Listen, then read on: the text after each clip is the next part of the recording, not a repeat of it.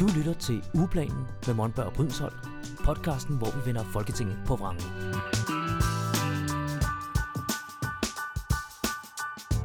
Velkommen til. Jeg hedder Michael Monberg. Jeg er ekstern dyrerettighedsordfører i Alternativet, og vi har... Helene Lillendal Brydensholt. Jeg er øh, folketingsmedlem for Alternativet, og øh, så har vi også en gæst i studiet i dag, og du får lov til at præsentere dig selv. Jeg hedder Therese Scavenius og er nyvalgt for Alternativet herinde på Christiansborg, og er klimaoverfører og en hel masse andet. Det er du nemlig. Vi har en liste over dine ordførerskaber her. Jeg tager den lige ganske hurtigt. Klima, energi, forskning, uddannelse, forsvar, EU, medieteknologi og Grønland. Og så var der vist nok nogle ekstra oveni. Ja. Ja, det er en lang liste, ja. men vi kan ikke nå at snakke om dem alle sammen i dag. Nej. Hvad vil du gerne øh, have, vi øh, vender i dag? Jamen, jeg synes, det vigtigste er selvfølgelig at snakke om klima, energi og måske Europa, hvis vi kan nå det. Lad os gøre det. Ja. Men først, så synes jeg lige, vi skal lære Teresa lidt bedre at kende. Ikke? Jo. Så vil du, ikke, vil du ikke lige sige lidt om dig selv, Teresa? Hvad er din baggrund og ja, de der standardting? Hvor gammel ja. er du? Og... Ja. altså, øh, jeg er jo øh, en forsker, som har siddet og nørdet bøger i 15 år efterhånden, mm. øh, og, øh, og har været dybt optaget af sådan store politiske problemstillinger. Hvordan løser vi en global klimakrise? Hvorfor har vi ikke de institutioner, der skal til? Hvorfor kan vi ikke i et demokrati? Hvad er der gået galt med demokratiet?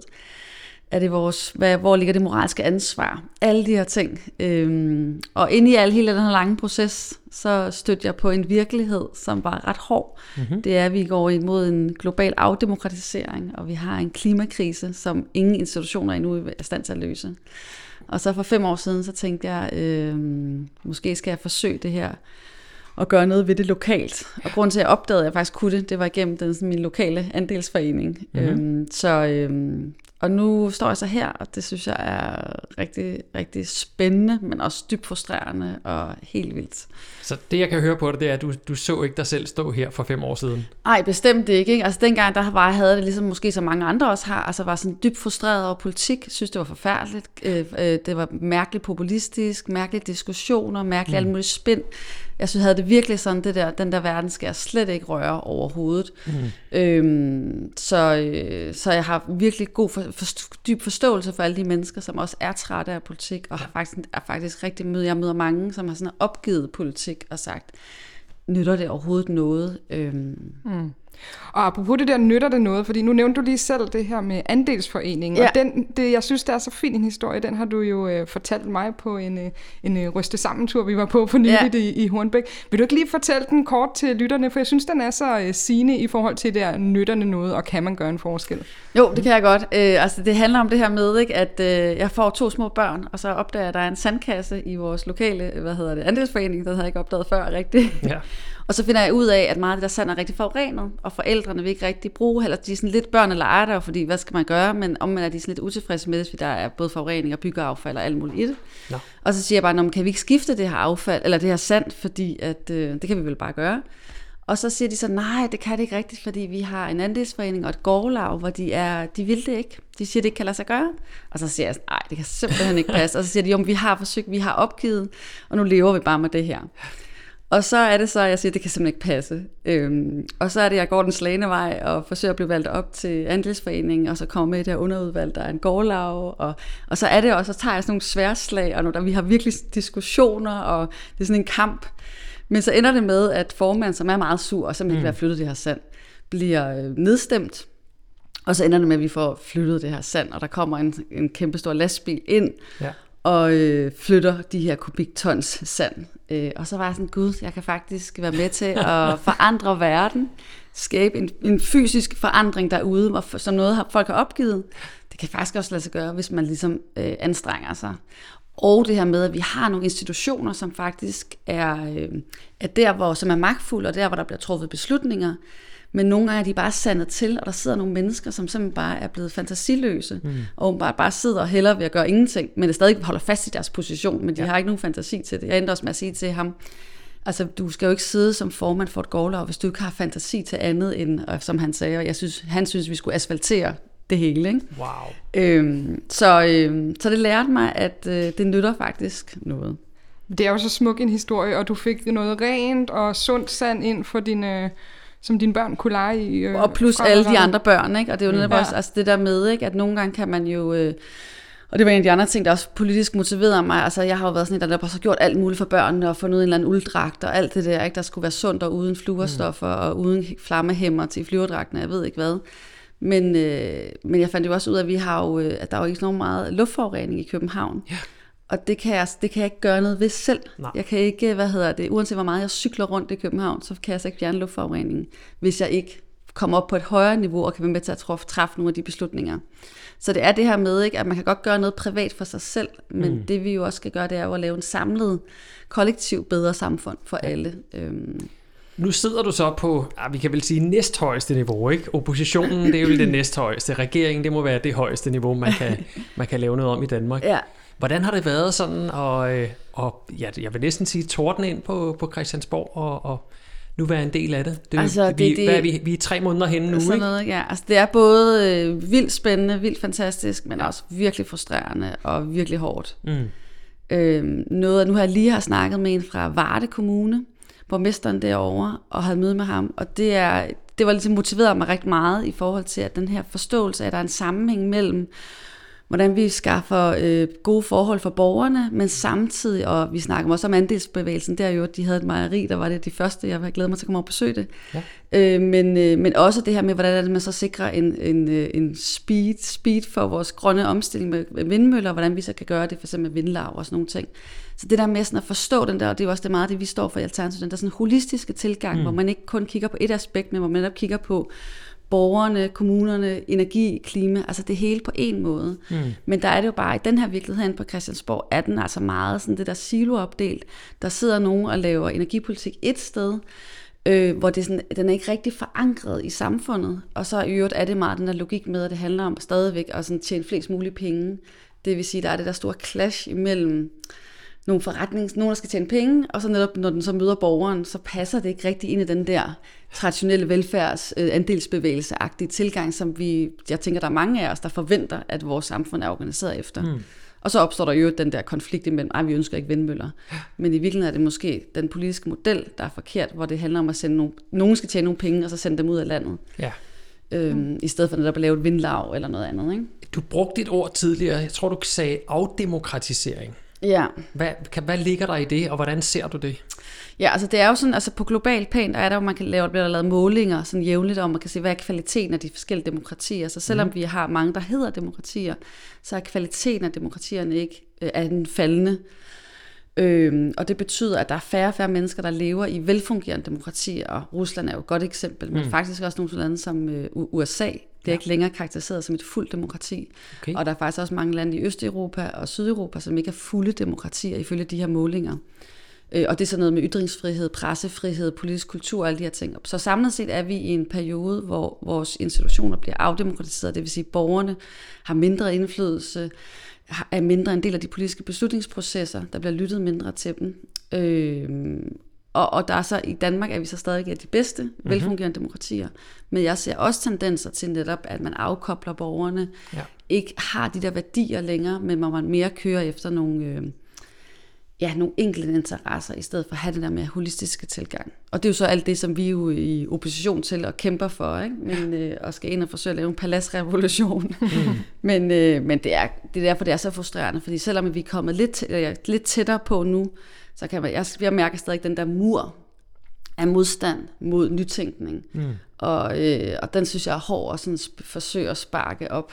Men, nu, øh, men jeg sparker til den hver dag. Nu er det ikke kun, på det. Nu er det ikke kun én person i gårdlaget, du, du kæmper mod. Nej, det, nej, det er præcis. hele, hele det danske etablissement. Ja, præcis. Ja. Og hvis vi lige skal tage den sådan helt jordnært i Danmark, mm. vil, vil du mene, at der også er en, en, en afdemokratisering i Danmark, eller er det er det sådan lidt øh, knapper, der bliver drejet på lidt op og ned? Øh, der er sådan små ting, der går i den forkerte retning. Altså mm. for eksempel, når man, altså under corona var der nogle skred i den forkerte retning, men også når man for eksempel øh, vil skære på uddannelser, altså det vil sige, at borgerne skal være mindre oplyste, være mindre refleksive. Det er forkert, mm. er skridt i den forkerte retning. Ja. Øh, det, det er, skridtet er også i den forkerte retning, når man vægter øh, borgerhensynet mindre. Altså jeg har siddet sådan noget, lige noget med geotermi og affald, hvor jeg kan se helt systematisk, at man vægter det, der hedder sådan investor, interesserne over mm. borgernes forsyningssikkerhed og økonomiske ja. interesser. Og, og det er bare sådan helt, øh, og det ser jeg lidt... Øh, Altså, jeg, jeg ser jo som demokratiet er jo, at vi varetager borgernes interesser ja. frem for nogle enkelte økonomiske interesser. Så det ser jeg som sådan nogle små trin, skridt i den forkerte retning. Og var det også det, du nævnte med vindmøllerne? Det her med, at øh, vi, ja, den samme, vi, vi ja. sætter vindmøller op, for at en eller anden udenlandsk investor kan score Tjene nogle penge. penge. Ja, præcis. Og, og vi laver ikke et lokalt vindmøllelav, hvor vi så alle sammen ligesom er en del af det, og derfor gerne vil have de vindmøller præcis. i baghaven. Så, så det, og det igen, det er jo et politisk design, vi jo bare kan vælge. Mm. Øh, og sige, at vi ønsker faktisk en lokal forankring, en lokalt ejerskab, og at pengene netop bliver fordelt. De, øh, og i øvrigt folk forhåbentlig kan få en billigere elregning af det, og så videre. Ikke? Jo. For så kunne det godt være, at man synes, det var fint at kigge på nogle vindmøller. Mm. Så, det, så det er, øh, ja, og, og der er der bare den politiske, og det er også det, som jeg har skrevet i mine bøger om, det her med konkurrencestaten, og i konkurrencestaten, hvor man kigger meget på det økonomiske, og favoriserer det, så, så er det faktisk ikke rigtig muligt at lave klimapolitik, fordi at klimapolitik handler om også om at sige, hvordan kan vi skaffe en bedre klode, planet, natur for mennesker, mm. dyr og så videre. Ikke? Og, mm. der, og der er det ikke den økonomiske logik, der skal veje tungest, men det gør den altså stadigvæk i dag. Ja. Mm. Øhm, og det er jo en meget god overgang til, hvis vi lige skal ind over de ordførerskaber, ja. som, du, øh, som, som du havde fremhævet, ja. at øh, vi skulle tale om. Og det er jo klima, ja. energi og EU. Og kan man ja. tale om, om, om alle tre ordførerskaber i en stor bunke, eller vil du tage dem sådan en for Jamen en? altså, for mig hænger de også ret meget sammen. Ikke? Så jeg har netop øh, taget initiativ til sådan en arbejdsgruppe på, i, inden for Europaudvalget, for at vi netop kan arbejde mere intensivt med energi- og klimapolitik på det europæiske plan. Fordi at den danske klima- og energipolitik står så meget i stå og nærmest, nærmest går i bag, baglås lige i øjeblikket. Ikke? Så, øhm, så jeg ser, at der er nogle muligheder, fordi faktisk der er gode takter fra EU. Der er faktisk rigtig meget villighed til også at lave bedre klimapolitik, og det mener jeg, at vi fra dansk side skal støtte op om. Det der er så, det er, at vi har det her danske tunge ministeriesystem, som sidder tungt på det, øh, men i virkeligheden er det Europaudvalget i Folketinget, der skal sige, hvad er det, vi ønsker? Og derfor har jeg taget initiativ til den her arbejdsgruppe, hvor vi skal sidde mere intensivt og komme med idéer, tage initiativ til nogle ting, øh, frem for bare så at vente på, at systemet giver os noget, og så kan mm. jeg, som jeg ser lidt, synes, Folketinget er blevet lidt, at man så bare stempler noget igennem, ja. som ministerierne har besluttet. Men jeg vil gerne forsøge at, at rehabilitere Folketinget, og tage initiativretten tilbage. Så det er i hvert fald et forsøg på det. Lige til øh. dem, der ikke kender til Europaudvalget, ja. så øh, det fungerer jo sådan, nu må du rette mig, hvis jeg tager fejl, at, øh, at, at det enten kommer der nogle, nogle ting ned fra EU, I skal tage stilling til, eller så kommer der noget fra ministerierne, som I skal tage stilling til, om, om, om de må blive taget med til EU, eller hvordan? Ja, altså i, i teorien kan man jo sige, så handler det om al europapolitik, men som det der er praksis, der man bruger mest tid på lige nu, det er hver gang, at en minister skal ned i, i Europa og forhandle noget, der foregår på europæisk plan, så skal de her Europaudvalgets øh, godkendelse. Øh, og derfor kommer de at præsentere deres forhandlingsoplæg, som det hedder. Øh, og det er jo så typisk netop genereret af ministerierne eller af regeringen. Øh, men, men, men, men, men jeg ser det netop som, at Europavalget er jo et forum, hvor at Folketinget kan sige, hvor, hvad er vores europapolitiske interesser? Mm. Øh, og derfor behøver man ikke bare sidde og stemple og sige ja nej til noget som regeringen eller ministeriet, men man kan faktisk godt selv tage initiativ til nogle ting. Mm. Og det drejer sig både om at følge med i, hvad sker der i Europa, pres på det, hjælp, finde ud af, hvad der foregår, og i øvrigt samarbejde mere med vores medlemmer i øh, Europaudvalget, mm. nej, Europaparlamentet, undskyld. Øh, så den her gruppe skal også arbejde tættere med dem, fordi der foregår sindssygt mange vigtige ting. Men det er jo, øh, jeg ved ikke om vi kan nå det, men det er jo også det her kæmpe workload, der er på øh, herinde på Christiansborg. Der er også mange, der snakker om stress og så videre ja. for tiden, og det er jo fordi, at, og du listede min lange ordførskabsliste ja. op lige før, det viser bare, at alle har jo for meget arbejde. Mm. Altså det, det, det er simpelthen, det, systemet er fuldstændig absurd organiseret. Det svarer ja. lidt til, at man får et nyt arbejde, og så får man at vide, at man skal lave for syv medarbejdere, og så skal du bare gå i dag, gå i gang med det samme. Mm. Der er ikke nogen sådan oplæring, eller det er bare sådan, gå i gang med det samme, og i øvrigt er der en journalist, der spørger dig om det ja. dagen efter. Ikke? Ja. Det, det er en helt absurd, mærkelig måde, vi har organiseret det på, og derfor tror jeg også, at en del af, hvor den her paladsrevolution er også at finde ud af igen, altså nytænke, hvordan er det, vi laver demokratiske beslutningsprocesser. Ja. Øh, og der tror jeg, der er mange ting, der skal ske, men bare hvis jeg får lov til lige at nævne, en af de ting, jeg selv arbejder med, er jo også det her med at kigge på, hvem er med en del af den lovforberedende proces. Mm-hmm.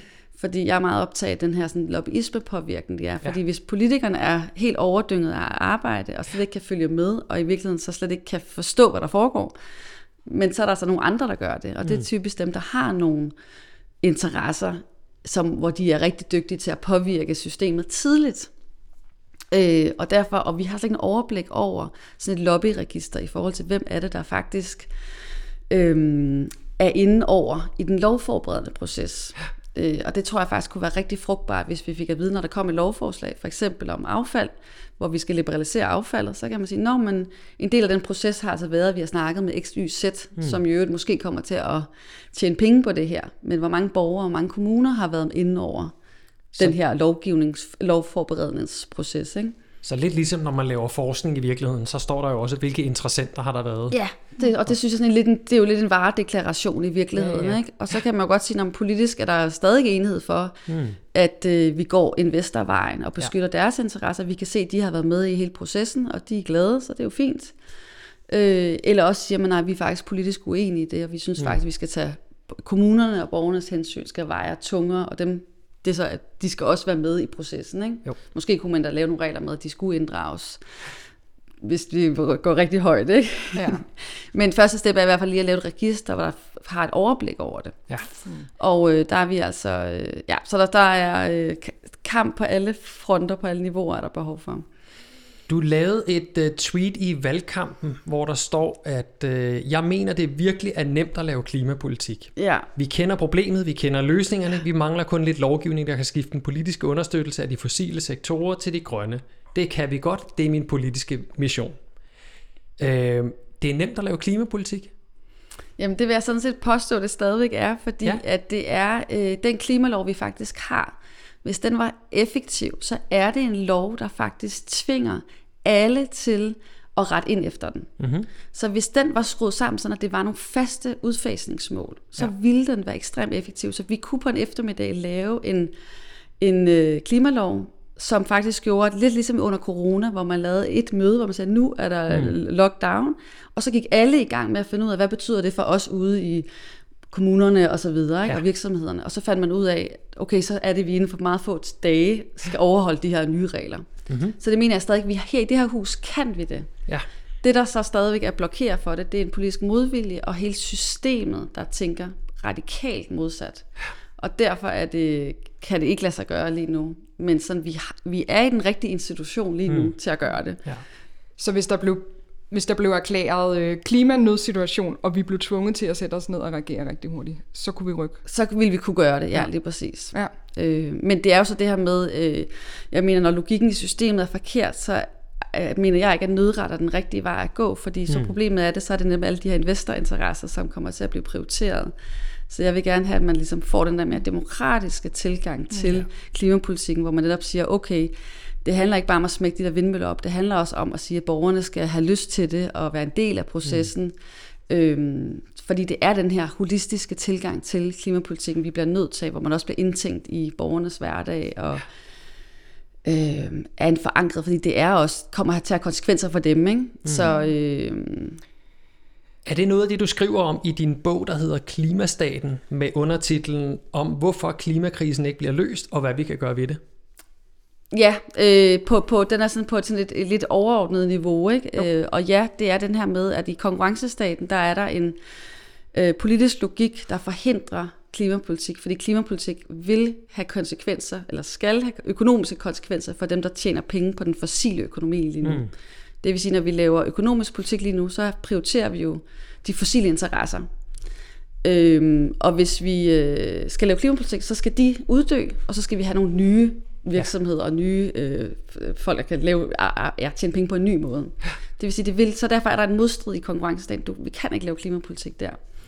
Øh, og så hvad vi kan gøre ved det, der er det også noget af det handler om det her med, at vi skal redemokratisere vores samfund, forstå, mm. hvad viden er, øh, forstå, hvad, hvad hedder det, ja, hvorfor det er vigtigt med politisk deliberation, og hvorfor det er vigtigt at engagere sig. Så, øh, og det er jo så derfor, jeg også er forskning- og uddannelsesordfører, mm-hmm. fordi jeg faktisk mener, det er rigtig vigtigt at forsøge også på den front at sige, det er så sindssygt vigtigt, at vi har forstår, hvad viden er.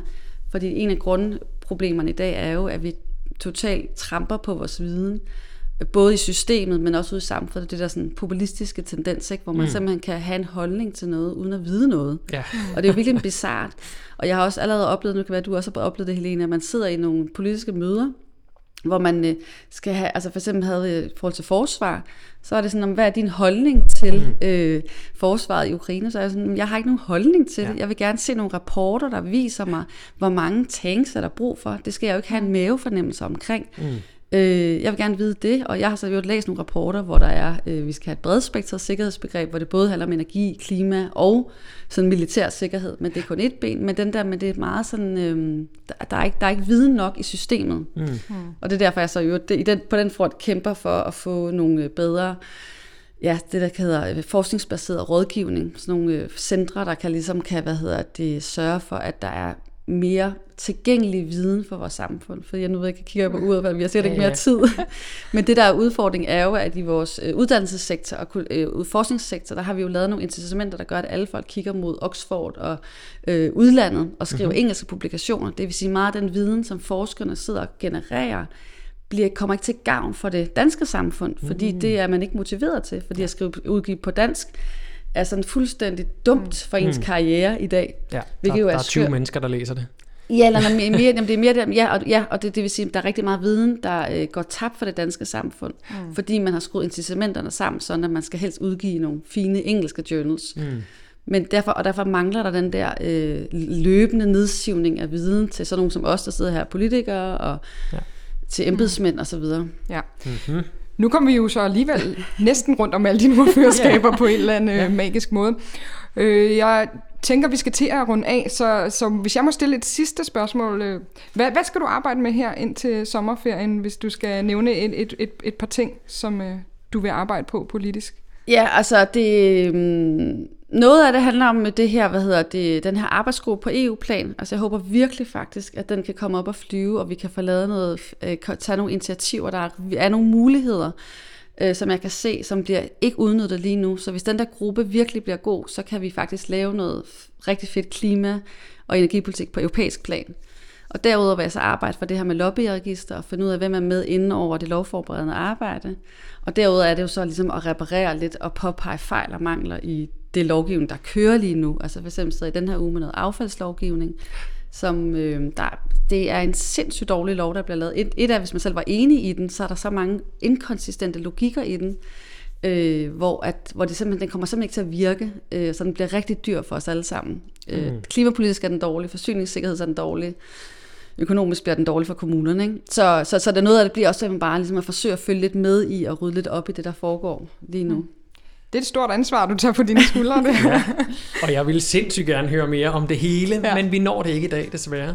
Ja. Men tusind tak, fordi at du tak vil være med, Theresa. Ja. Og øh, ja, så øh, lukker vi af for denne gang. Ja, tak for det. Tak. Hej hej. Ugeplanen med Monberg og Brydensholt. Podcasten, hvor vi vender Folketinget på vrangen.